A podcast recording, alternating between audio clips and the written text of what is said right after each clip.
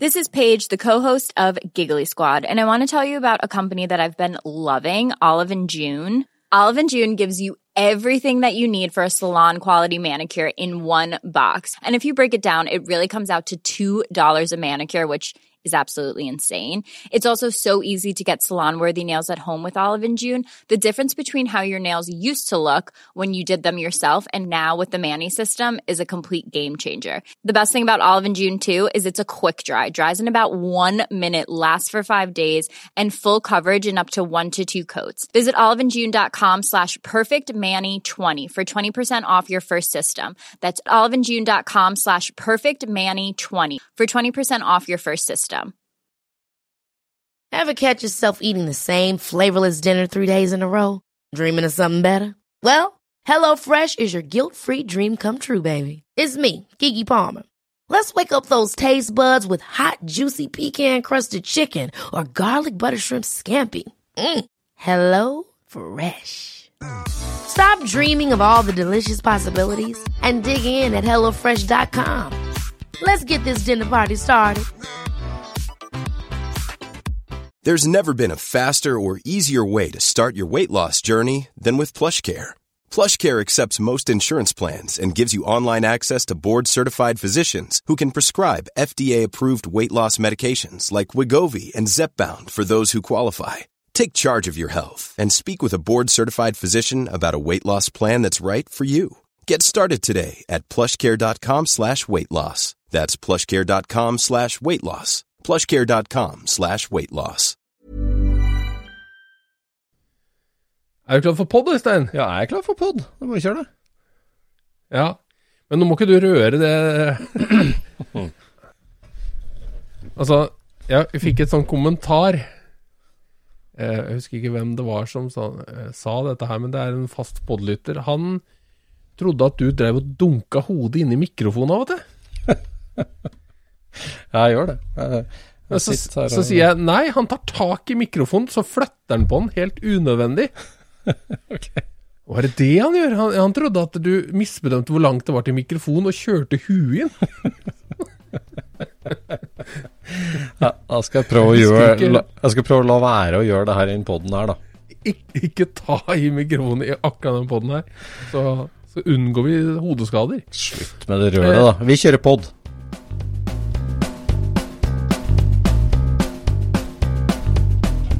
Du lytter nå til Scootspodden, en norsk podkast om klassisk bil med Jon Roar og Øystein.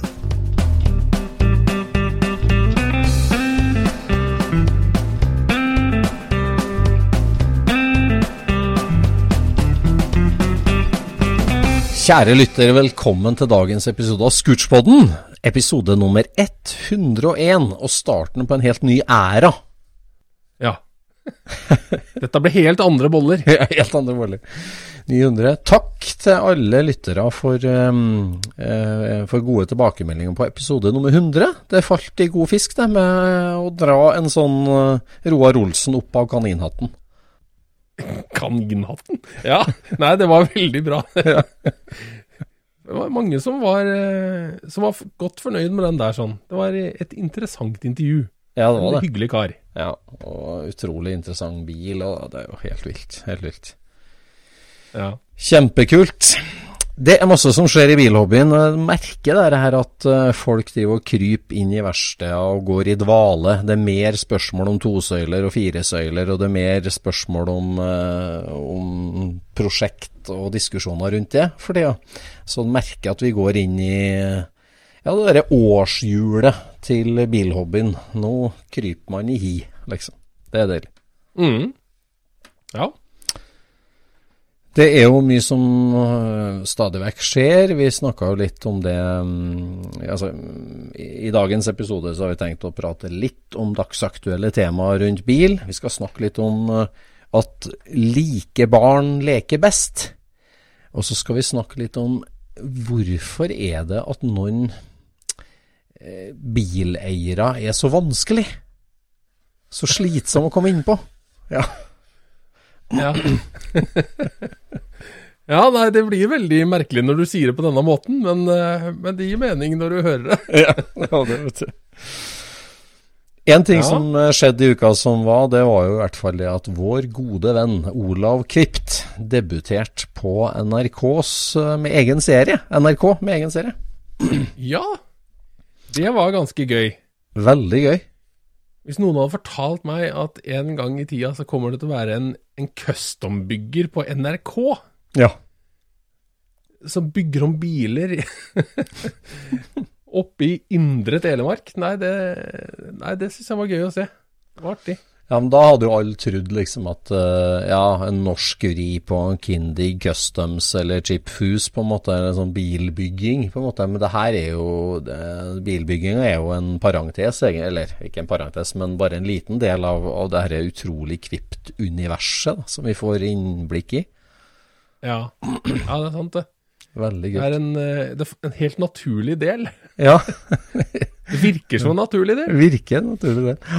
Nei, det var veldig artig, altså. øh, Vår gode venn Ola Olav Krypt. At øh, Ja, det der syns jeg var en veldig artig utvikling. Og, altså, de her Kvipt-brødrene har vi jo fulgt med på avstand, får vi si, i, i hvert fall 10-15 år. Med, fra dem liksom han eldstemann, eller nest eldste var da, som øh, med hele custom Rama-bevegelsen alt der, at det liksom skal bli TV-film, at han, han skal bli sånn allemannseie i Norge. Det synes jeg er kjempekult. Ja.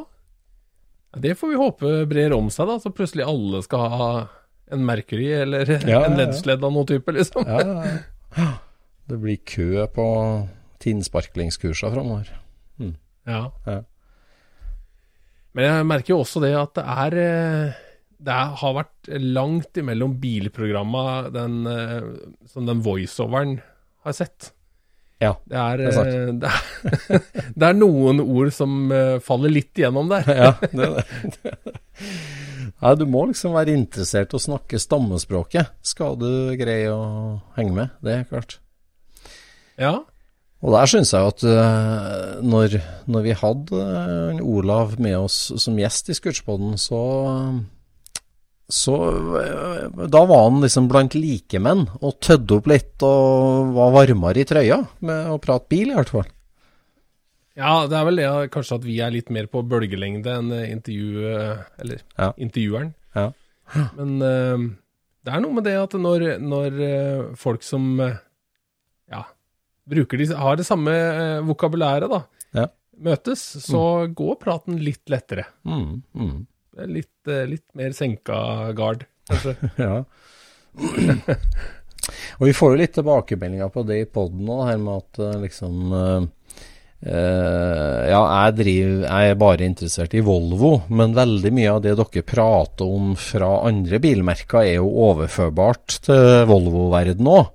Liksom. Og, og det håper vi Ja. at liksom kan kan funke litt da med Og det er jo en del av stammespråket i bilhobbyen. At liksom alle suger etter NOS-deler eller patina eller skogsvrakjakt eller noe sånt. Det har ikke noe å si hvilket merke du driver med. Nei, det, har- det har ikke det. eh, Men der er det jo en innstilling som folk har nødt til å velge å ha. Ikke sant? Fordi at eh, eh, egentlig så er vi jo bare interessert i akkurat det du driver med, ikke sant? At eh, jeg, jeg driver med sånn og sånn, og det skal være på dette nivået, og det skal være Mm. så og så gamle deler, og det skal ikke koste noe, f.eks. Eller, eller eh, Altså, det viktigste er at det blir riktig. Det er ikke engang viktig at det blir ferdig. Det er jo, Folk er jo på mange forskjellige planeter. Mm. Men så hvis alle murer seg inn i disse her eh, tankene der sånn, så er vi jo ingen Det er jo ingen av oss som er like, ikke Nei, sant? nei, det er sant. Så man har jo nødt til å velge å se på Ok, vi er egentlig like, men vi har forskjellig Ja, vi driver og maler forskjellige malerier, men vi kan jo fortsatt prate om kunsten, Ja, ja, ja. Mm. ikke sant? Nei, det er viktig. Du, du, ja, du er jo helt inne i din sfære, og det Jeg kan jo ta meg og tenke det hvis jeg møter en som er superinteressert i Morris Minor Woody-utgavene før 64 og etter 62. For å si sånn at du, liksom, du, du blir nesten forundra til hvor utrolig smal tunnel noen er inni òg, da. Men, men vi er jo sånn alle sammen. Vi, vi er jo oss sjøl nærmest veldig på, på bilfronten, som du sier. Ja, og så er det jo noe med det, og når du prater med folk, så må du jo Du må glatte over litt dine innerste tanker. Ja, føler du det? Du, du kan ikke Nei, slippe ut altså, nerven. Altså. Eh, jo da, jo da, jo da. Ja. Men, men du kan liksom ikke dømme alt nord og ned, for at det ikke er sånn som du vil ha det nødvendigvis. Nei. Mm.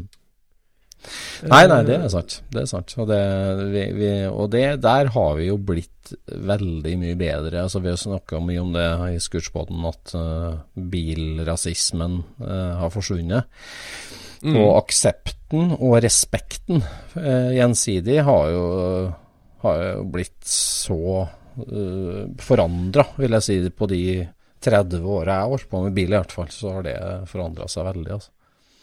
Men det er liksom en sånn eh, en gren, eh, en sjanger, hvor du har nødt til å leve med eksempel, eller vise med eksempel. Det, det er ikke noe som forklares med ord, rett og slett. Nei, det er sant. Det, Altså Du kan si til folk at, eh, at nei, alle er velkommen og sånt noe, men før du, før du reiser på, på motpartens treff, eller før du slipper inn noen hos deg, så har det ikke egentlig skjedd noe. nei. Så det holder ikke med ord innenfor eh, bilverden. Det må, det må være handling til å vise fram. Altså det er jo Lede med eksempel er vel egentlig greia.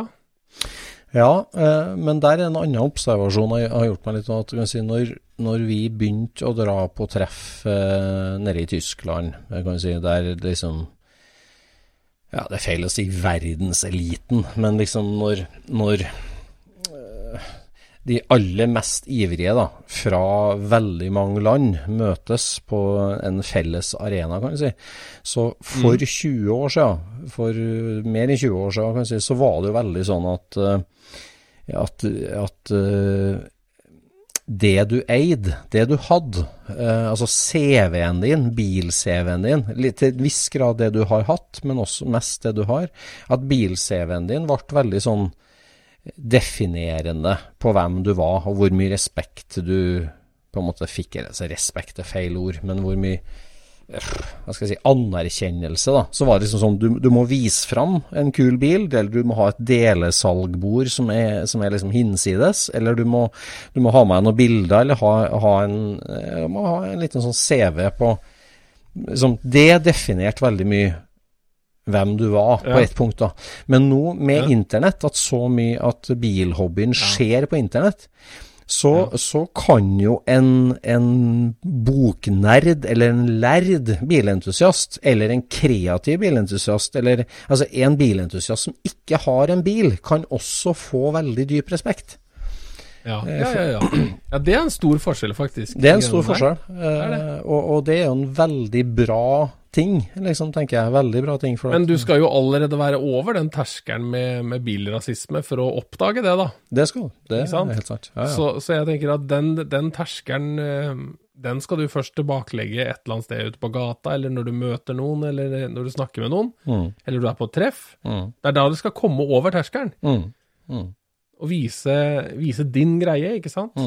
Og når folk ser bare ja, det er jo faktisk litt kult, liksom, eller de ser parallellene, og da, da blir det lettere å, å sette pris på, på det den andre prater om òg. mm. Absolutt. Så kanskje man oppsøker Instagrammen og ser å ja, det ligger såpass mye bak, ja. Ja. Ikke Ja, det er sant? sant. det er ikke bare noe som er raska sammen. Nei. nei. Det er, det er jo det som er så innmari gøy med alt dette her, at du har jo lyst til å Du vet jo sjøl hvor mye energi du legger i å finne ut av sånne små, små ting. Mm.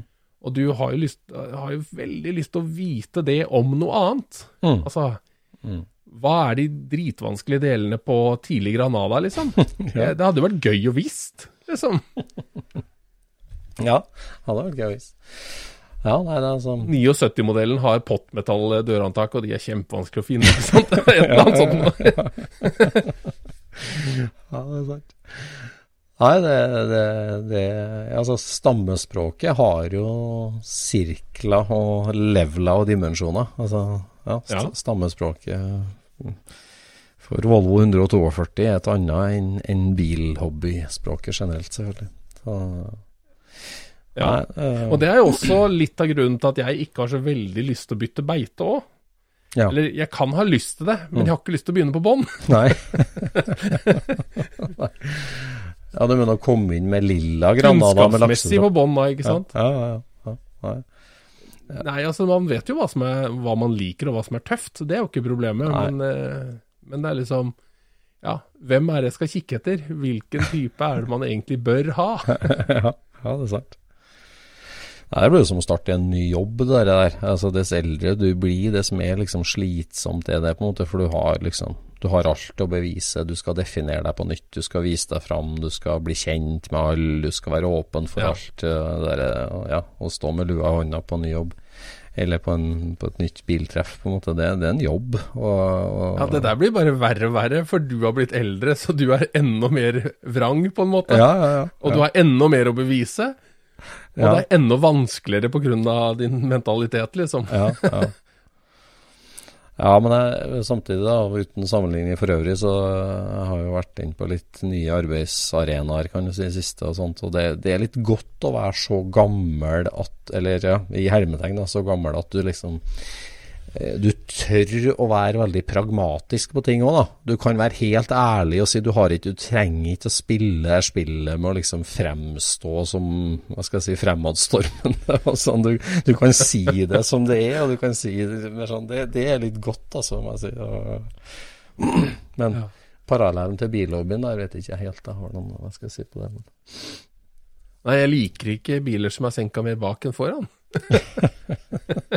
jeg vet ikke. Bare si det med en gang. Bare si det med en gang, ja. ja. Men du blir Når du møter de som er så pragmatiske på, på et eller annet, så blir du litt sjokkert over at de sier det. For det, det er vi ikke vant med. At. Nei, folk bare med. plumper ut med hva de egentlig mener. Nei, det er sant. Altså. Det er sånn, da blir det litt sånn halvdårlig stemning med en gang, og så etterpå tenker du liksom, ja, det er jo egentlig helt greit at folk sier det de mener. Ja, men det er jo veldig mye lettere på nett, da, basert på altså, drive hobby på nett eller på treff. Du, eller det var jo mye snakk om det på treff i gamle dager òg, at originalpolitiet kom og kommenterte om det var feil krumring på baklysa og sånn som det er der, men, men det er jo helt, Mm. helt vilt på nett. Eller så den derre ja, gapestokk. Men originalpolitiet har jo ingenting annet å drive med og et originaltreff. Det fins jo ikke noe annet å gjøre der, liksom. Nei, det er sant det. Sant det. Nei, du spiser vafler og kommenterer hva som er feil. Det er, det er ikke noe annet å gjøre. Alternativet er jo at du går rundt og peker på alt som er rett, da. Ja. Og da kommer du Da står du jo ved en bil i en time, sikkert. Nå syns jeg du haslerer med termosfraksjonen i miljøet. Da traff jeg der jeg, da traff jeg der jeg skulle. Nei da. Ellers fra bilverden den siste uka, så er det jo eh, Altså, på mandagen så kokte det på svenske Facebook-sider. Eh, jeg vet ikke om du fikk med deg Carrera-motoren fra skogen? Jeg fikk den jo med meg på andre runde, når eh, kommentarene kom inn over eh, Messenger. Ja. Nei, det var jo helt vilt. Det, det var jo en fyr som eh, Altså, det var helt vilt. Det, det, det starta jo med det at det dukka opp noen bilder av noen korroderte, rustne, eller veldig korroderte aluminiums aluminiumstopplokk eh, fra en ekte Carrera-motor. Eh, som en svenske har tatt bilde av på et garasje, garasjegulv. Og det var liksom veldig rare bilder. Det var elleve bilder, og jeg tror liksom åtte av dem var egentlig fra samme vinkel, samme toppen. Og så var det en par bilder av litt andre ting, så det, det var veldig vanskelig å få inntrykk om det var mange motordeler eller bare en topp, eller hva det var. I hvert fall så var det en, en, en forfatter, en svensk forfatter, som driver med mopeder som hadde forvilla seg da ut på Porsche-side, svenske Porsche-entusiaster eller noe sånt.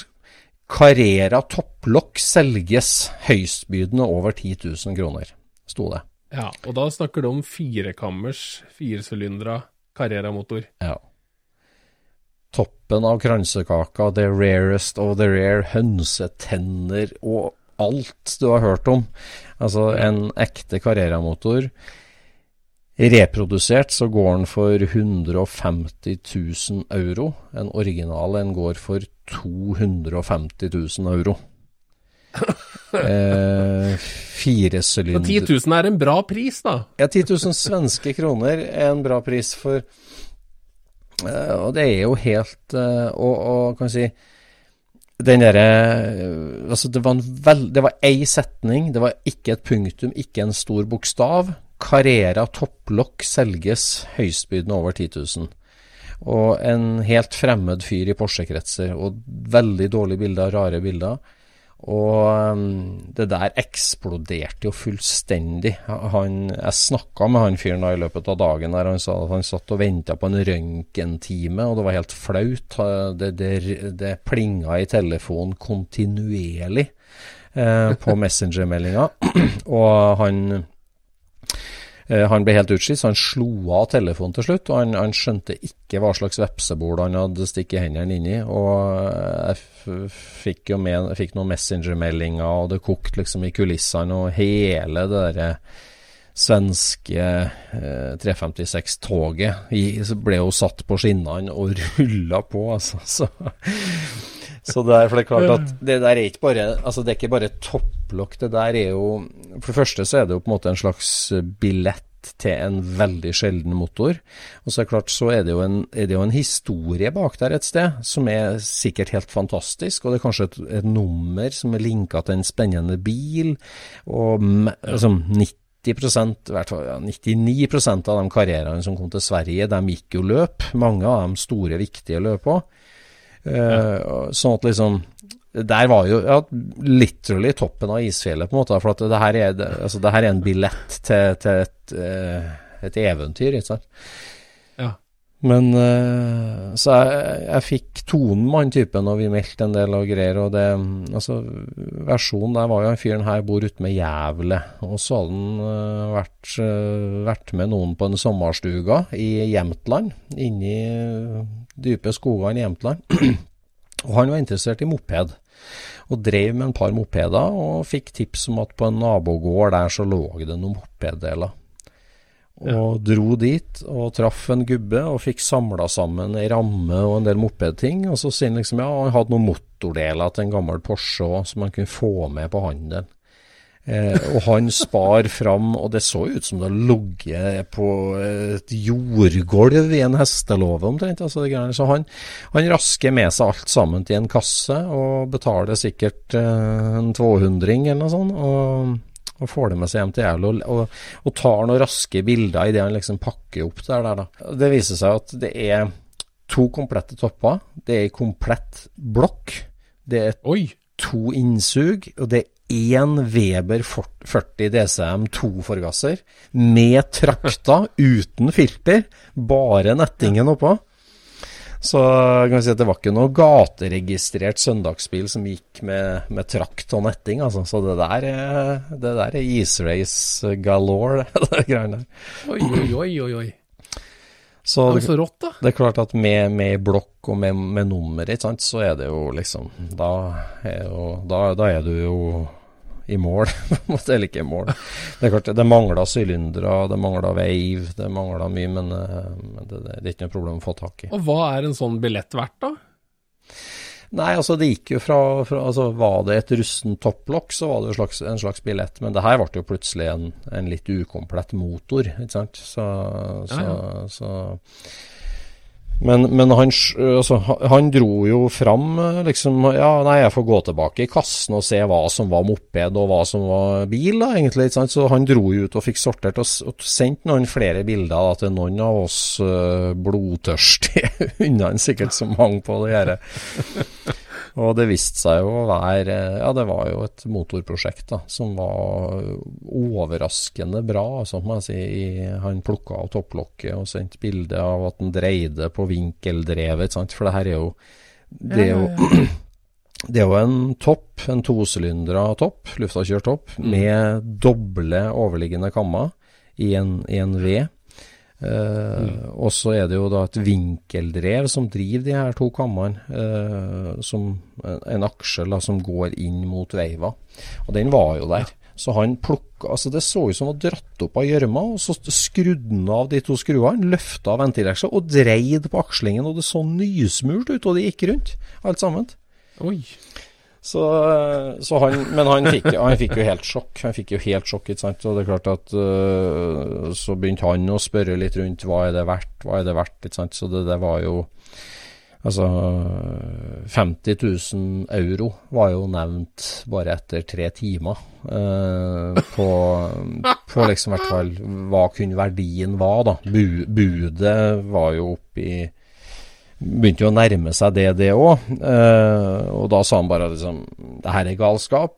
Nå sletter alle bilder. Jeg slutter å snakke med dere. Nå må jeg bare legge det her på hylla og fordøye litt, liksom. Så så han Aha. trakk seg helt ut. Men det er klart, det er helt sikkert noen som henger på. Men det er klart når du begynner å nærme deg en par fine Nielva i pris, så blir det et prioriteringsspørsmål, da, hva du skal gå på. så, Oi, oi, oi. Er, det- var det noen som fikk nummeret på blokka, da? Nei, ikke som jeg vet. Ikke som jeg vet. Så, men det var Eller det var en DCM2 forgasser, da, og liksom av det jeg tok, kunne tolke på bildene, så så det ut som det var en sein 50-tallsmotor. Det- Altså, denne motoren ble jo Ja. lansert eh, høsten 56 Nei, høsten 55. Som en Da er det 56 dobbelttenning eh, frampå blokka, den da, ikke bak på Ja. Ikke bak på toppene. Det hadde den. Mm. Mm. Så det så ut som en sånn 859-modell, uten at jeg kunne eh, si det sikkert. da. Så nei Men det er så artig altså, når noe sånt skjer, for liksom du, du tror jo ikke det er sant. Du tror jo ikke det kan gå an. Og, så er det altså literally så er det å sette ei fyrstikk i ei knusktørr høysåte, altså. Det, det, altså, det, det, det derre spillet der, med telefon og høflighet og aggressivitet og, og liksom de derre? Først så er det 50 drømmere selvfølgelig som henger seg på, og så, og så blir det liksom ti seriøse, og så er det liksom fire-fem som liksom Ok, 300 000, 350 000 altså, Jo, men, men der har du jo liksom Der har du selger nå, ikke sant? Ja. Han kunne jo vært typen som sa til førstemann som ringte, at nei, jeg holder av det til deg, liksom. ja, ja. Ja, Ikke sant? Hvis han var den typen, da. ja, ja, Det er, jo, det er jo nesten helt ekstremt frustrerende når prisen er helt feil. ja, ja. Ikke sant? At du skjønner at Nei, men hallo, bare for at han var først, liksom, er det sånn dette lotteriet fungerer? ja, ja. Ja, men apropos der, da. Det her hadde ikke, det kommer jeg på nå. At uh, to dager etterpå så skjedde jo det samme, liksom nesten i miniatyrskala, da, for så vidt. Men i Norge, vet du, på Skollenborg. Fikk du med det? Nei, hva var det? Eh, For der Altså, Carrera-motoren, da, det, det her skjedde jo i Sverige, og det er klart Facebook was full of it. Men eh, på norske skrotbiler og sånt, så var det jo en fyr ute at eh, Ja, jeg driver og planerer ut skrå, en skråning utafor jordet mitt, en bonde tydeligvis. Eh, og her hadde det ligget en bil opp ned i alle år. Nå dro den opp. Eh, er det noe verdi i dette her? Og så har han altså tatt opp en bil da, som har ligget på taket nedi en sånn skråning. Som han har bare løfta opp med gravemaskina og satt den midt på jordet sitt og tatt tre bilder av den og la ut på skuespillsider. Ok. Uh, og det Jeg så det jo med en gang at det her er en 32 Ford. Uh, og- Ja, den der, ja. ja, Ja. Den så jeg. Den så jeg. ja, og det er jo det er klart, det er jo verdt sin vekt i gull for hotrod-folk, ikke sant. Og her var det en norsk Ja. bil. Og det er klart, det som På et sånt en 32 Ford, da. Det du trenger i Norge for å bygge eh, hva som helst, det er jo ei ramme og et nummer og en torpedovegg. Og på den bilen her så var det eh, to ting som var kjempebra, og det var ramma og torpedoveggen. Eh, For den, den var veldig ribba, men den hadde ligget på taket. Og, og, ja. Og Det er ikke motornummeret som er uh, rammenummeret på de, da? Eller, eller hadde de eget nummer på Eget nummer på Ramma? Ja. Nei, på, på, Ja. på to, fra 32 så er det rammenummeret Ja. og rammenummer. Ja. A-Forden For det var vel en, en sånn engelsk en, det der? Ja, engelskbygd karosseri. Den er litt annerledes rundt eh, frontruta og sånn? Ja, litt annet karosseri, men uh, samme Ja. torpedoveggen og samme ramma. Uh, Ja. Ja. Og, der, eh, og det her var kanskje to eh, Kanskje var fire-fem dager etter Carrera-saken i Sverige. Og, da, og jeg så det og jeg tenkte shit, 32 Ford, det er tøft. Og jeg sendte en melding tvert. Og jeg hadde jo et ærend til Skollenborg dagen etterpå, for der bor jo vår kjære motorbygger. Så jeg sa liksom jeg kan betale og hente i morgen, skrev jeg. Og så gikk det en halvtime kanskje uten at han hadde sett meldinga fra meg på Messenger. Tenkte jeg det her går for tregt. Uh, 1881, no, nummer, fant den og ringer til han på tvert da, på mobilen. Og han satt i gravemaskina, det hørtes ut som han akkurat hadde dratt den opp. Han, han satt i gravemaskina og dura. Og, Nei, nå ble du akkurat for sein. Det ringte en for ti minutter siden, og uh, nå har vi avtalt handel med han, han kommer i morgen. så så det, det, gikk fort, altså. For det var, det var, jeg tror det var under time da, etter han la ut de bildene. Så og vet jo hvem som kjøpte den og hentet den, og det, det, er jo helt topp. Det, er, sånt er jo kjempeartig. Det der er jo sånn ja, sånn C-moment i tennis, eller nestenmål i fotball, eller det er jo dritspennende. ja, det går jo fra bare å være et problem for bonden, til å plutselig er det noe alvorlig hot, liksom, ja, som skjer i et miljø. Det eksploderer i et miljø han ikke har oversikt over i hele tatt. Ja, ja, ja. Ja, men du vet, han altså, det, er jo, det er jo 99% sjanse på at det har vært verdiløst. Altså sånn etter helt ja. random bilvrak opp ned, det, ja, det er 99 ja, ja. ja, det er det, altså. Så det der er jo så kult. Det er kjempeartig når sånne ting skjer, altså. Så, ja. Enn du, har du fått kost. Har du fått kost noe med det engelske gullet? Ja, det har jeg. Ja. Og det er litt sånn eh, Der fikk jeg jo en overraskelse. Oi. Og den var både bra og dårlig. Nei. Ok. Nå må, vi må ta oss tilbake litt eh, helt til starten, tror jeg. Ja, altså dette her er jo Dette her begynte jo en dag for um, ja, 15 15-16 år siden. Nei, men, når altså, jeg var i Den historien Hva? her, den starter ca. 1968, den. Eh, rett før eh, åpningsløpet på Bjerke travbane. Når eh, rallylegenden og folkehelten Kjell Gudim må ha breier hjul på sin grønne Porsche 911. Da starter den historien faktisk, her. Det, jeg tror faktisk det starter året før. Året før, kanskje? Uff. For det står jo på felgene. Ja, Det det. Det står okay. jo 1967 står det på de felgene som Kjell Gudim, ja. eller noen, kjøpte inn til Kjell Gudims Porsche. Nettopp, ja. Eh, og jeg endte jo opp med disse felgene. Da var de bare to. Ja. Kjøpte de av en kar som het Arne, borti i, i Skien. ja. Og um, betalte jo da en svimlende sum av 1000 kroner for de. Ja. Og jeg var ordentlig i tvil. For det her var stygge greier, altså. men det sto jo 1967 på det, så det var jo litt artig likevel, ikke sant? Ja, men altså, igjen da til uerfarne lyttere, så vi snakker jo om For at i 1967 var det ikke mye breifelger å velge i til Porsche. Så når da Nei. Møllers mekanikere mest sannsynlig da skulle kjøpe inn breiere, lettere felger til fabrikksnielven, da egentlig, som det var, som Gudim mhm. kjørte, mm så var det ikke så mye velg i. Og, og det, Nei, så Porsche sjøl hadde jo bare 4,5 tonn på den tida der. Ja, nettopp. Mm -hmm. Og de ville jo ha noe breiere, og da fant de han derre J.A. Pierce ja. i eh, London, som støpte felger for Formel 1-biler, og bygde Formel 1-chassis. Og han leverte også til eh, Han laga felger som het Magna til eh, både Triumph og Jaguar og litt sånn forskjellig. Ja. Og de felga som da han endte opp med å kjøpe, mm. jeg tror det er sånne Triumph-felger som er bora for Porsche-boltmønster. Oh, ja. ja. Eh, og sånn havna de i Norge, da. Ja. Og Men er det, de vært, det, det Altså, den Japp eh, speedway-motorer, motorsykkelmotorer, det er noe annet? Eller samme? Det er noe annet. Det er noe annet, Det er noe annet. Ja. J.A. Pierce er eh, mm. dette navnet her er. Mm. Um, mm. Men i hvert fall så, så, endte jo jeg opp med de der, og det var jo en veldig lang prosess å finne ut hva Japp sto for, da. For det var jo egentlig glemt. Mm. Det var jo ingen som egentlig huska det, sjøl om det var liksom trøkt inn i de. Mm. Og så kom jeg jo da Fikk jeg jo hjelp av, av eh, Øyvind Lid, eh, som hadde hatt sånne felger på Minien sin. Ja. Og dermed visste at det var J.A. Pierce. Ah, sånn da, ja. Eh, og så, når jeg visste det, så plutselig fant jeg jo noe info på nettet. Og det, det var jo veldig lite om de på nettet i hele tatt. Ja. Det var liksom bilder av noen biler med det, men det sto omtrent ingenting. Nei. Og det har jo gradvis blitt bedre og bedre alle år. Mm.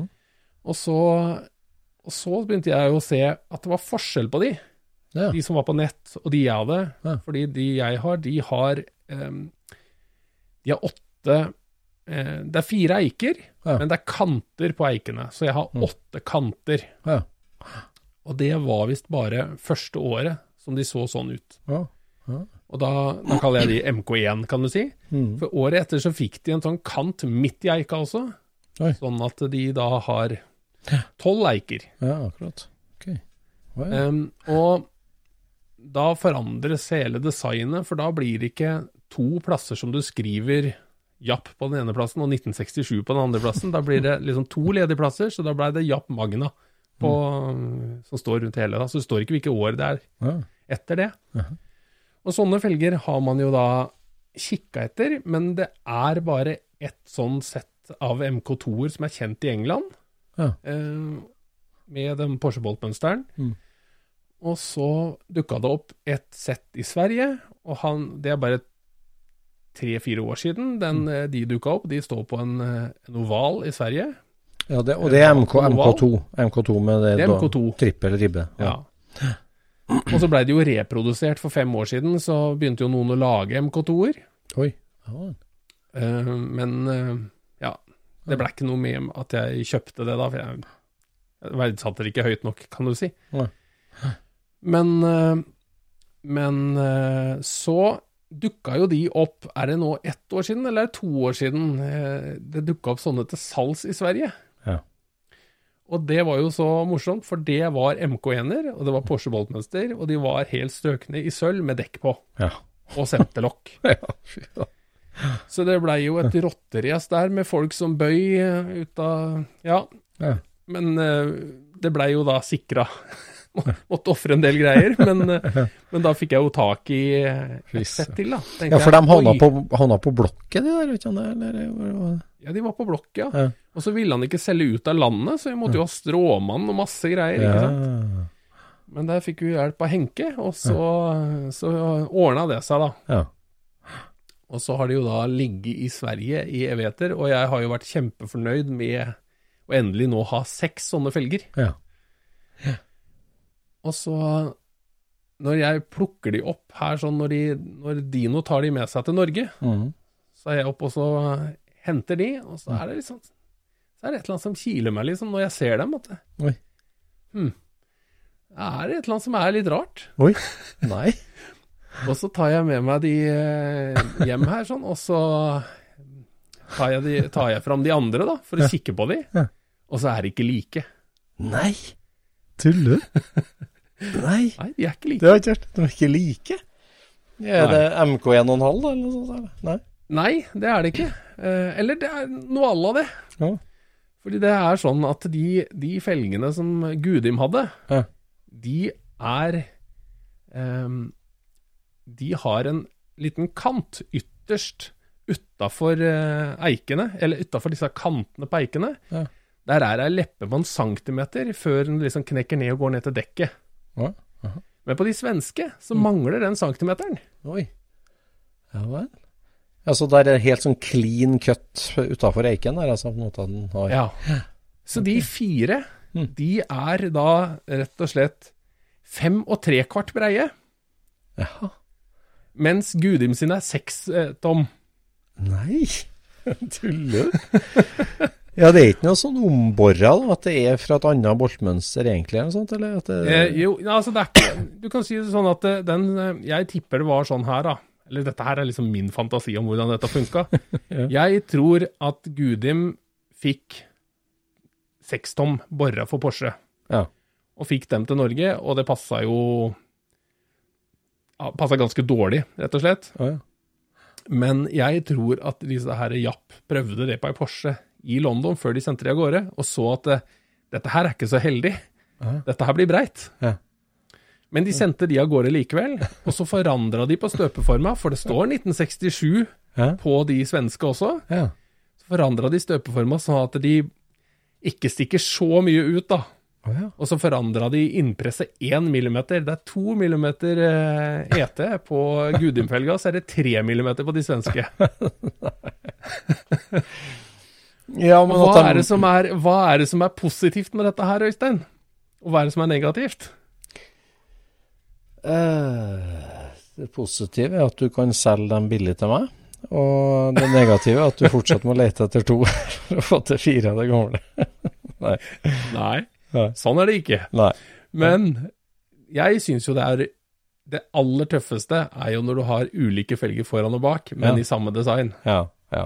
Så nå er det jo dønn Gudim-felger bak, og så er det svenskefelge foran. ja. Og den andre tingen som er positiv, er at Gudim-felgene er fortsatt unike. ja. Så det er de to eneste kjente i verden du har der. Nei, det vet jeg jo ikke, da. Nei, men men i, i alle, de her, alle de stedene jeg har funnet, Ja. så er det Det er veldig få som har den der lille leppa ytterst der, altså. Ja. Yes. Så, men, jeg- men jeg regna på det, vet du. Mm. Og i forhold til en sekstom Fuchs, da, som har en ET på 36, Mm. så stikker disse felgene ut 46,7 millimeter lenger ut. det er fem centimeter, det. Men på, på det, de, de bildene av Gudin-bilen, har han dem der bak? Altså, det går teknisk Ja, under altså, skjermen? han har de rund baut, og det er jo det som er komisk med det bildet òg, vet du. Du ser den der centimeteren på de bildene. Ja. Det er ikke noe problem å se det, at det er de felga. Yes. Men jeg begynte å studere eh, bildet litt, Mm. og der ser det jo faktisk ut som de har bredda hjulbuene bak. Ja, det de? Bare akkurat ei pølse rundt bakhjulet Ja. er liksom dratt ut litt. ja, for hvis det er 46 millimeter, så må han jo det på en smal, smal tidlig elver. Det, Ja. det Ja. kan jo ikke gå, det. Porsche-folket er jo livredde for å kjøre med sju tonn. Så det er jo Ja. Yes. Nei, det her eh, Det var jo, det var jo eh, både en nedtur og en opptur, ja, vil jeg si. Ja. ja. Men det var med fire senterkopper der, da. Så du har fire senterkopper? Ja, ja, ja. Skikkelig strøkne, fullt lesbare. Ja, det er helt rått. Har du funnet ut noe om hist historien på de felgene, eller, i Sverige? Eller? Nei, det har jeg ikke. Nei. Det har jeg ikke. Herregud. Det er ikke så lett å finne ut av det der. Da må jeg vel ha chass- chassisnummeret eller eh, skiltene fra den bilen da, som de sto på. Mm. For de var jo i bruk, vet du. Ja. Han tok det jo av en bil og solgte de. Ja, det? Ja. Nei, det Det var artig. det er så artig. Så kult. Det der er Og så går det liksom fra ikke sant, Her har du her kjøper jeg to felger som bare sånn Ja, det er jo gøy å ha det. Kan bruke de som sånn lakkfelger eller et eller annet. Ikke sant? Og så plutselig så er det bare «Hæ, Jo mer du finner ut om det, jo mer gøy blir det. Ja, ja. Den går for Helgen har ikke blitt så mye penere, men det er liksom ganske mye tøffere. den går for å slenge rundt på et støvete verksted til at de nå ligger under senga di, ikke sant? Ja. Men det må jo være Ja, da er det jo en MK123 nesten, da, hvis du snakker om den, eh, den trekanta eh, versjonen nå, fortsatt. Ehm, ja, det kan jo Ja, kanskje. Mm. De lagde sikkert disse felgene i forskjellig bredde, og da er det forskjellig ET òg, etter hvilken bil de skal stå på, regner jeg med. Mm. Ja, men den støpekanten langs eiken, da, det er jo rart at det skal være forskjellig, da, for at eh, da har de jo gjort, gjort om på støpepluggen sin, da. Nei, nei. Senteret er helt likt. Å ja. Senteret er helt likt. Det har bare liksom dratt i den ytre leppa på, på Gudimfelgene, eller gjort motsatt, da. Dytta de inn på de andre. Å ja, ok, sånn er det. Ja, ja, det skjønner jeg. Ja, Ja. Så det er liksom det som alle drømmer om at de kan gjøre på en felg. ikke sant? Ta tak i leppa og så bare dra den litt lenger ut, sånn at det blir forskjell. Det er akkurat det de har gjort, men antageligvis motsatt rekkefølge, da. ja. Oskar, sånn, ja. Nå skjønner jeg hva du mente. Ja. Akkurat. Ja. Så nei, det var, det var jo veldig artig, da. Men jeg tenker det at eh, fabrikken selger 4,5 tom, og så bestiller du 6 tom. ja. Det er litt Det er å ta i. Ja, det tar jeg. Det måtte jo være noen norske som hadde kontakter til han Jod A. eh, Pierce, da. Altså at de har kjøpt noe Formel V-deler eller Formel 1, eller eh, altså at det, at det var noe Ja. kobling der. For det, det er jo ikke Det er komisk, vet du, for at det, hvis du søker på det navnet, så kommer det opp disse her eh, annonsene som han eh, eh, kjørte i blader og sånt, vet du. Ja. Og det er sånne type ting, en sånn, sånn liten sånn rubrikkannonse, hvor det står hvilke Formel 1-biler han har til salg, og, og hvilke felger han har til salgs. Sånn. Jeg har en BRM-motor og noe Brabham-greier og litt sånn. Liksom. Bare å ringe. Inquire. Police Inquire. Ja, det er tøft. Det er tøft. Det var en annen verden. Det var en annen verden. Å, gud bedre. Ja, ja, ja. Vi har snakka om det før i Scootspodden, når eh, bilen entrer eh, det offentlige rom, på en måte. Og det er to ting jeg har merka meg med spesielt i uka som har gått. Det ene er jo grosshandlerens Vauxhall, som vi har snakka om før. Som Ja. eh, nå er oppe av vannet. Og det var jo helt vilt hvordan den fronten som har stått nedi oksygenfri mudder, har greid seg. Ja, det var vilt. Det var vilt. Så bra, vet du. Det må jo være eh, en lagringsplass til ettertanke, tenker jeg, hvis du har engelsk bil. Hvis du er opptatt av å ta vare på den. Nei, det var eh, imponerende, altså. Ja, det, der er, det hadde vært artig å sett hvis de spylte hele bilen. Men så, den er jo helt sikkert ikke like fin på resten, da, men det var Ja. artig å se. Ja, ja. Nei, det var virkelig imponerende. Men det slo meg jo at uh, oppi all denne tragedien, eller gleden, eller hva man skal kalle det, så Det er jo en tøff bil. Jeg, sy syns det var en tøff bil. Ja, jo, jo. jo da, det er en veldig uvanlig bil, ja. Men det var en veldig Ja. dyr og sjelden bil, egentlig. Så de hadde vel ikke funnet maken i Norge i hele tatt? Det tror jeg. De har... Og de har ikke funnet noen like. Nei, jeg tror ikke det. De har drevet og søkt så og forskjellig. Og... Ja, jeg, jeg, jeg leste Det blir ironisk hvis den eneste overlevende har ligget i et vann. Det syns jeg er litt spesielt. Det er litt spesielt. Det er det. Ja. Men den, den Crestaen der, den ligner jo veldig på den eh, Victor. Den derre Vauxhall Victor. ja, det var mindre. Ja, den var mindre, vet du. Er den ikke større, da? Å, nei, jeg vet kanskje, kanskje den er mindre. Ja. Men den har i hvert fall lignende front. Ja, det er. Litt sånn Litt der rundere bakskjermer. Ja. Mm. Men den minner meg om den derre Redd Victor. Har du sett den? Nei. Redd Victor? Ja, det. Redd Victor, det er jo eh, Det er en kar borti England som heter Andy Frost. Aha. Som kjøpte seg en um, Han kjøpte seg en uh, Redd Victor i 19... Nei, altså en uh, Vauxhall Victor i 1981. Aha. Og det er, også, det er en 72-modell. Det det var vel en 71, det som lå i vannet, vel. Ja. Men den dreiv jo han og trimma, han der eh, Frost der. Mhm. Og den blei jo da Europas raskeste gategodkjente bil. Jaha. Oi. I, uh, ja, på 70-tallet nå, eller? Nei, nei, han kjøpte noe i 81, var ikke det jeg sa? Jo, jeg mener det var 81 han kjøpte den. Mhm. Så han drev og trimma og trimma og trimma på dette her sånn, og til slutt så ble, Så var han så trimma at han begynte å kalle den for Red Victor 2. Ok. Førsteutgaven het eh, Red Victor 1, Ja. og så blei den Når han runda 2500 hester, så blei den da Red Victor 2. Å, herre. Så han der er jo en sånn Han er kjent i England, han har vært mange ganger på TV med den bilen og greier, og kjører jo da unga til skolen med den der Det er jo en firedørsbil, ikke sant? Å, herre. 2500 hester?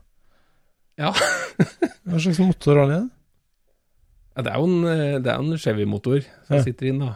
Så det er jo Jeg vet ikke, jeg har ikke sett så mye av den én og to. Jeg har sett noen sånne YouTube-klipp hvor han kjører på gata med dette her. Da.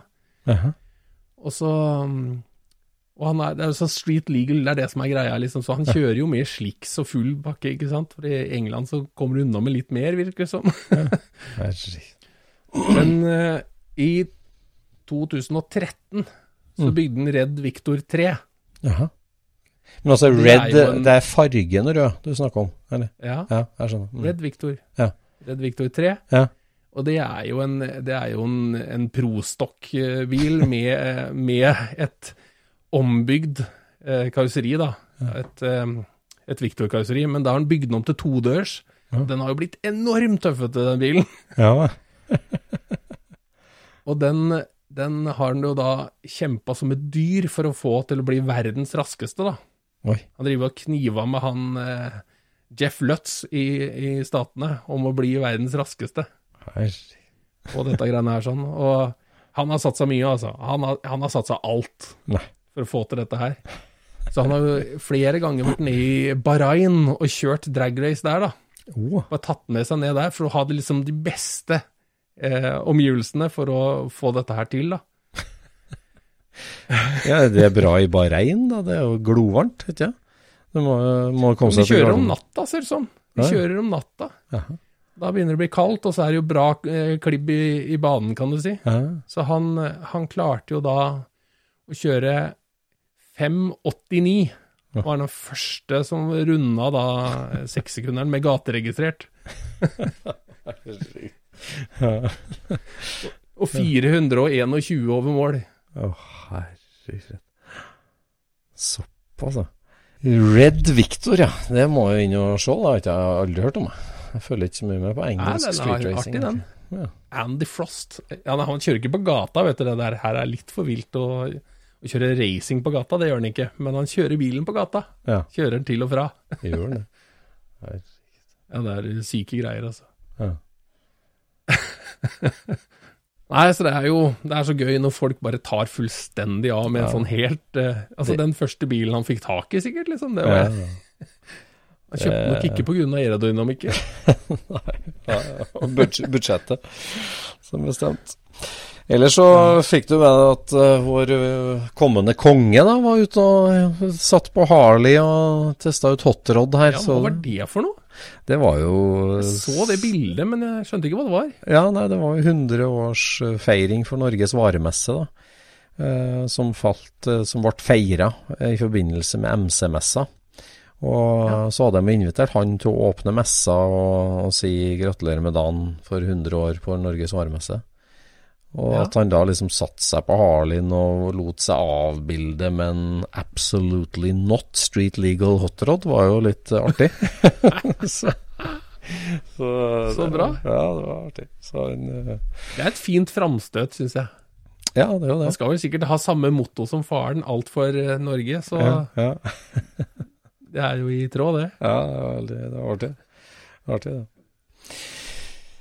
Ellers så fikk jeg jo Kardexen Cardexen til eh, Blutorangutangen her forleden. Eh, eh, med rett inngang så går det an å få tak i det byggekortet fra Porsche, da, der det er spekka opp eh, nøkkelkoden og interiørfargen og, og motornummeret. Og det var jo Jeg hadde jo mistanke om det, men eh, det var jo bekreftet at det er matching number originalmotoren. Så det var jo veldig hyggelig. Og så er den levert da i november, 6. november 69. Det er jo en 70-modell, eh, så han er jo ganske tidlig 70-mal. Ja. ja. Og så er han da solgt splitter ny i Coca-Colas hovedstad, Atlanta, i ja. Georgia. Kult. Så eh, det er ikke det, Selv om det var California Black Plates på han, så, så har han ikke hatt det som han var ny, da. Så, Nei. Men det var litt artig. Så kan det være en sånn eksekutiv fra Cola som har kjørt rundt i den? da Ja, kanskje det, ja. ja kan jo, ja, jeg skulle til si Colarød den ikke. Hvis du skulle ha en colarød, så hadde du bestilt en annen rødfarge. enn det. Ja, det tror jeg. Så Det det, så gøy, ja da, så, det, så da faller jo brikkene litt mer på plass der òg. Så nå skal jeg bare Nå var jeg og hadde et møte hos salmakeren her og gikk gjennom baksetene til 46 bobler. Det er det eneste som står igjen der. Bare få gjort ferdig det, så skal den ut. Og så skal den oransje fare inn til siste Shinings. Nå kan jo du bruke den historien der til å krydre bilen litt, du da. Eh, og skryte på en cola-historie, tenker du, eller? Eh, nei. Nei. Jo, kanskje det òg, men Hva med et sånt der uh, The South Will Rise Again-klistremerke eller noe sånt? Ja, kanskje det, ja. Eller kanskje ikke. Nei, kanskje ikke. Nei, det blir bare, bare Scootspod-merke på den, har jeg tenkt. Men hvor, hvor skal jeg sette det igjen for at det skal være mest mulig tidsriktig? Altså, Scootspod-logoen er jo som en sånn mobiltelefon, liksom i størrelse. Det er ingen merker på hele bilen. Jeg har så innmari lyst til å ha det liksom midt i bakruta. Nederst, altså helt nederst, men midt på. Ja, men det er jeg jo helt enig i. Er du helt enig? det, det, mest, det er det mest opplagte stedet å ha det, syns jeg, da. Ja, er det det, ja? Ok. Men ja, men altså, det er enten det, eller så er det jo liksom sånn som vi alltid gjør det, fremst i hjørnet på sidebakruta. ja, nettopp. Men, eh, men, Men det, det er kanskje litt for typisk igjen. Ja, er ikke en sånn 90-tallsoppfinnelse, egentlig. Det, men, eh, jeg, Eh, ja, jeg vet ikke. det vet jeg ikke egentlig om det er, men, Nei. men jeg tror det er en sånn Det er egentlig en sånn sein 60-tallsoppfinnelse som vi har herma. Ok, ja. Her- Herma kraftig. ja. Nei, jeg tenker liksom at midt i bakruta nederst, det må være liksom litt kult. Du må bare finne en eller annen random person å spørre. Hvor skal jeg ha den? Ja, ok. ja, helst ikke en bilrelatert, kanskje. Nei, det var bil. Nei, det, eh, det blir bra. Så skal det bli felger og ratt og oljeskift og polish. Og så er den klar for eh, det som vi går og gleder oss til, da. Og det er jo det som skjer i Sverige siste helga i januar, for da skal vi på cold balls, Ja, har vi tenkt. skigjøring. Ja, vi. Da har vi jo tenkt Hvem at skal henge etter deg, Øystein? Ja, det er du. Det er du. Det er alltid kopiloten, det. er det meg, det? Ja, det er kopiloten. Ja, ja. ja, ja. ja. Så, og der eh, har vi jo tenkt å ta med oss mikrofoner også, og prøve å ta opp litt eh, lyd. ja. Ja. Det hadde jo vært litt artig, det. ja, det har vært litt artig. Hvordan høres det ut innenfor en bil som kjører på, på isen? Ja. Og, og det derre og, og det derre lyd Det derre lydfila Jon Roar klamrer seg fast for livet. Det, det, den har vi jo tatt opp en gang før. Og den kan jo Skal vi lage en ny sånn, ja? Vi skal Ja. lage en ny sånn. Skal vi. Oi, oi, oi. Så det, Ja. det må vi For den, det var jo ikke en del av podden, så det, den må vi ta opp, har jeg tenkt. Mm. Nei. Den var ikke en del av podden. Nei. Nei, men det der kan bli moro. Ja. Men da må du jo kjøpe noe ordentlig dekk, da, Øystein. Eller må du ikke det? Jo, jeg føler at jeg må det. Jeg har snakka litt med dem oppe her, og de sier liksom at eh, gode piggdekk, det går bare rett fram. Liksom. Du er nødt til å, du er nødt til å ha ispigg, så vi må ha ispigg. Du må ha ispigg, faktisk. Ja, vi har tenkt det. Mm. Oi, oi, oi. Så det er bare liksom det at eh, Det er jo 14 toms fuksfelger på den, vet du, originalt. Og det tenkte jeg det er perfekt, for da er det god plass til ispigg i stedet for 15-16. For da begynner vi å rive skjermkanter. Det har vi ikke tenkt å gjøre. Nylakkerte Det finner du sikkert mye av i 14 tom, vil jeg tro. Nei, det er akkurat det det ikke gjør. Eh, Så der nei, var eh, nei, var det ironi, kanskje. For eh, visstnok så alle rallybiler kjører bare 15 og 16 egentlig på det. Det har kanskje med økt kontaktflate å gjøre, jeg vet ikke. Men uh, selv om det er biler, altså eskorter og mye rart Eller nei, eskorter kanskje ikke, men i hvert fall rallybiler, da. Mm. det har nok mest med størrelsen på bremsene å gjøre, vil jeg tro. Ja, det har det sikkert, ja. Det er sikkert selvfølgelig et godt poeng. Det var jo den originale grunnen til at felgene begynte å vokse i sin tid, vet du, Øystein. Ja, kanskje det. Ja, ja, ja. Altså, fra de begynte å gå nedover, Ja, plutselig begynte det å gå oppover igjen. ja nettopp. At bilene ble tyngre, måtte ha større bremser, og så fikk du større felger. Ja, ja. Nei, jeg er jo mer, eh, mer kjent med når det går nedover, jeg. Altså, jeg hadde jo ute og drevet og skifta dekk her i sommer, og da satt jeg jo mine 21-toms Audi-felga fra min nye bruksbil ved siden av 21-tommerne som står på min 28 modell A-Ford, min aller første bil. Så Ja. det er to ulike 21-tommer. du er tilbake der du var, du da? Ja, ja, det er liksom litt sånn det der. Ja, så det, det der daler jo fra 1928 og 21 toms til 16 tom i 52 og 15 tom i 53, da, selvfølgelig. Da Jeg syns du har drevet og skryte litt av noen enda større dekk òg, jeg. mm, Nei. Jeg har Til en ikke Porsche. Uh, nå vet jeg med. En tohjulstrekk Porsche. Ja, ja, ja, ja. Jo, det er sant. Ja, jeg driver med 24-tommere om dagen, ja. Det gjør jeg. Så nå har jeg 24, ja, på Porschen. Ja, det er Det 24. er, det er svært, altså. Porsche type 313 med mm, 17 hestekrefter. Den er eh, godt egnet til å dra plog, men ikke til å dra på bakhjula. 313, ja, det er sånn Donald-utgave, det. Ja, det er omtrent det. Ja, der fikk jeg jo tak i kjempefine 24-toms-dekk, så, så nå har jeg kjøpt 24-toms slange, og så har jeg ovatrolisert eh, 24-toms felg, så nå skal det snart sammen igjen på traktoren. Så da skal du ut og kjøre Porsche-traktor. Nei, jeg har ikke noen ambisjon om å få den kjørbar, dessverre. Det blir en nydelig skulptur. Mm. Så, men det er kun til skulptursamlinga. Men den, den blir så hyggelig, altså. Det, ja, det blir jeg veldig glad i. Jeg er like glad i den som en annen Porsche, det må jeg si. Rett fra skogen i Førde og inn på Inn i samlinga. Så det er bra. Inn i samlinga. Ja. Være et stort ja, Kan du trille den? Ja, den triller. Den triller veldig treg, så jeg driver og fyller bremsetromlene med VD40 hver gang jeg går forbi den. uh, for å sause inn bremsene med, med det. Fordi at eh, det er jo mekaniske bremser, selvfølgelig, og det, det sitter jo i sju stein, vet du, hele systemet. Så det, Man står står i fri, altså. ja, han står i fri, og alle hjula går rundt. Men eh, det ligger på liksom Altså, det er jo bare bakbremser på den, men de, de ligger på liksom litt for godt, da. Men eh, de, de går litt lettere hver dag. For jeg dusjer Har den der styrebrems, eller? Ja, Det har den. Todelt pedal. det. Todelt pedal, så det har den. Men eh, den sitter bom fast, for den her har jo stått ute i havgapet i Førde da, med ei svær furu liggende over seg i 50 år, sikkert. Så han eh, Han, eh, han det, Altså, han er han er ikke veldig rusta, men han er liksom veldig sånn irra, så ting sitter fast. Ting sitter fast, rett og slett. Det gjør det, altså. Ja. Men er det, har det, er det noe sted hvor det har eh, rusta så det har sprekt, liksom, eller? Nei. Eh, eller ja, det vil si faktisk. Altså, det har kommet vann inn i styrsnekka, og der var det et påfyllingslokk i støpejern som var sprekt i fire biter pga. frostsprengt, rett og slett.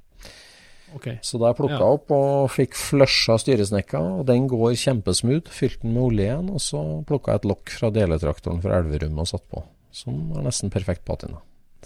Det var jo komisk med denne styresnekka som satt på 49-en min, som vi gravde opp ned i bekken òg. Ja, Inni den styresnekka så så det ut som nytt. gjorde det Og den funka helt 100, den styresnekka. Gjorde den det? Ja, ja, ja, den er Ja. helt flott. Ligge i bekken i 50 år.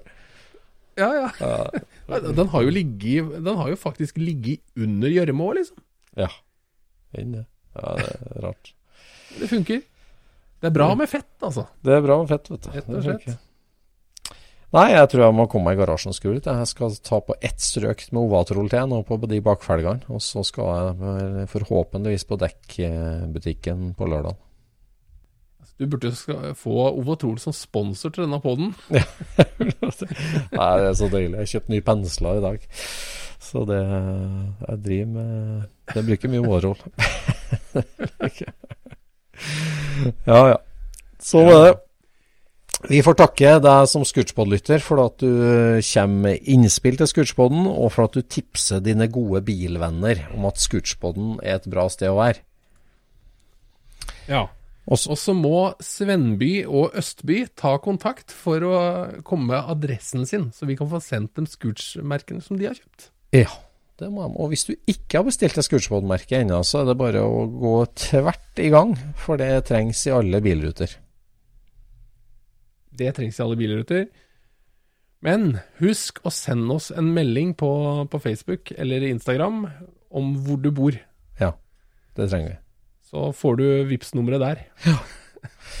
Kanskje det er best å ordne det sånn, Øystein, sånn at vi vet hvor vi skal sende disse klistremerkene. Ja, det er lurt, det. det er lurt, ja.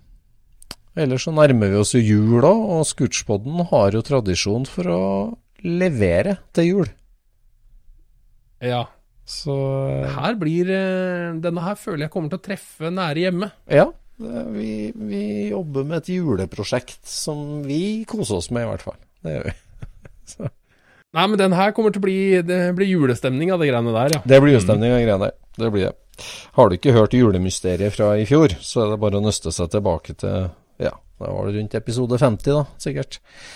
Eh, Ja, så får du det med deg det første julemysteriet fra Skurspodden. Ja. Da takker vi for eh, følget på episode 101. God kveld. Ha det bra. Scootchpoden produseres av SSC Media, med god hjelp av VV Norge og Trond Dahl for hosting, Knut Micaelsen for musikk. Abonner på Scootchpod via podcaster eller Acast, og følg Scootchpod på Instagram og se det vi snakker om. Der kan du også komme med kommentarer og innspill, og fortelle oss hva du vil høre om.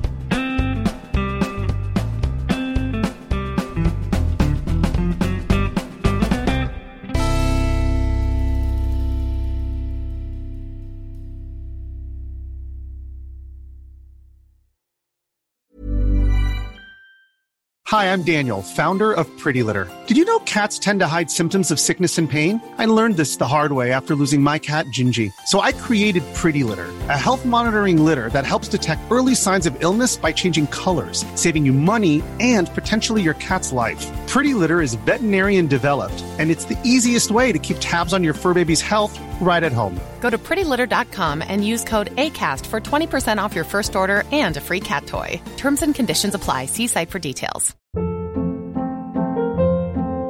Hold up. What was that? Boring. No flavor. That was as bad as those leftovers you ate all week. Kiki Palmer here, and it's time to say hello to something fresh and guilt-free. Hello Fresh. Jazz up dinner with pecan-crusted chicken or garlic butter shrimp scampi. Now that's music to my mouth. Hello Fresh. Let's get this dinner party started. Discover all the delicious possibilities at hellofresh.com.